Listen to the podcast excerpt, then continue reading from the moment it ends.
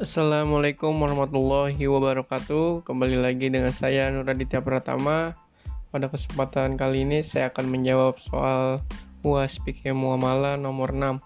Nah, soalnya ini bagaimana tinjauan fikih muamalah mengenai jual beli online menurut akad, akidah, makosid syariah dan lain-lain. Nah, jawaban dari saya saya mengambil jawaban menurut jawaban dari Dr. Oni Syaroni dalam harian Republika jual beli online itu dibolehkan dengan ketentuan barang yang dibeli halal dan jelas spesifikasinya. Barang memang dibutuhkan ada atau tidak ada unsur tabzir. Nah, ada hak pembeli untuk membatalkan atau melanjutkan atau menerima jika barang diterima tidak sesuai pesanan serta sesuai dengan skema jual beli Kesimpulan ini berdasarkan telaah terhadap standar syariah internasional AAOIV dan Fatwa Dewan Syariah Nasional Majelis Ulama Indonesia terkait dengan jual beli dan ijaro serta kaidah-kaidah fikih muamalah terkait. Nah, di sini di antaranya ada rambu-rambu fikih terkait belanja online adalah sebagai berikut. Nah, yang pertama, apa yang dibeli, barang apa yang harus memenuhi kriteria. Nih, pertama, barang atau jasa yang halal. Oleh karena itu, tidak diperkenankan belanja barang yang haram baik karena fisiknya seperti minuman, memabuk, apa, memabukkan maupun non fisiknya seperti mainan yang rusak, yang merusak moral anak-anak. Nah, yang kedua, barang atau jasa yang diprioritaskan yang diprioritaskan untuk dimiliki Nah, tidak membeli yang tidak dibutuhkan atau tesier agar tidak mengakibatkan pemubaziran yang dilarang. Sesuai firman Allah Subhanahu wa taala, sesungguhnya pemboros-boros itu adalah saudara-saudara setan. Quran surat Al-Isra ayat 27.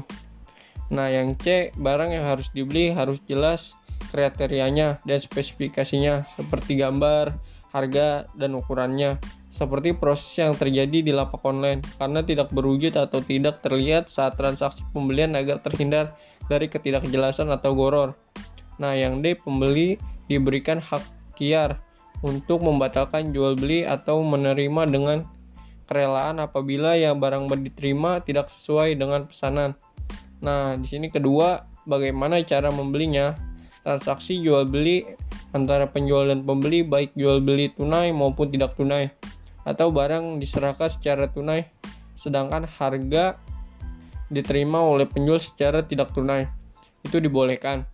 Hal ini berdasarkan hasil keputusan Mesbah Al-Islam atau serta divisi fikih organisasi kerjasama Islam nomor 51 tahun 1990 yang membolehkan jual beli tidak tunai dan Fatwa Dewan Syariah Nasional Majelis Ulama Indonesia nomor 4 tahun 2000 tentang murabahah berdasarkan skema jual beli antara pemilik produk dan pembeli melalui marketplace. Penjual berhak mendapatkan margin atas produk yang dijualnya sesuai kesepakatan sebagaimana hadis Nabi Muhammad SAW dan kaum muslimin terikat dengan syarat-syarat mereka kecuali syarat yang mengharamkan yang halal atau menghasilkan yang haram. Hadis riwayat Termizi. Nah, yang ketiga diprioritas, diprioritaskan berbelanja pada tempat berbelanja atau lapak yang bisa memberikan kontribusi terhadap penguatan ekonomi masyarakat dan tidak melanggar peraturan perundang-undangan. Nah, yang keempat, berbelanja diniatkan beribadah kepada Allah Subhanahu wa taala.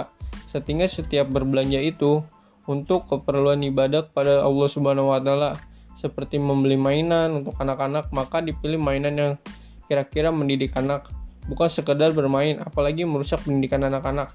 Nah, mungkin cukup sekian jawaban dari saya, kurang lebihnya mohon maaf.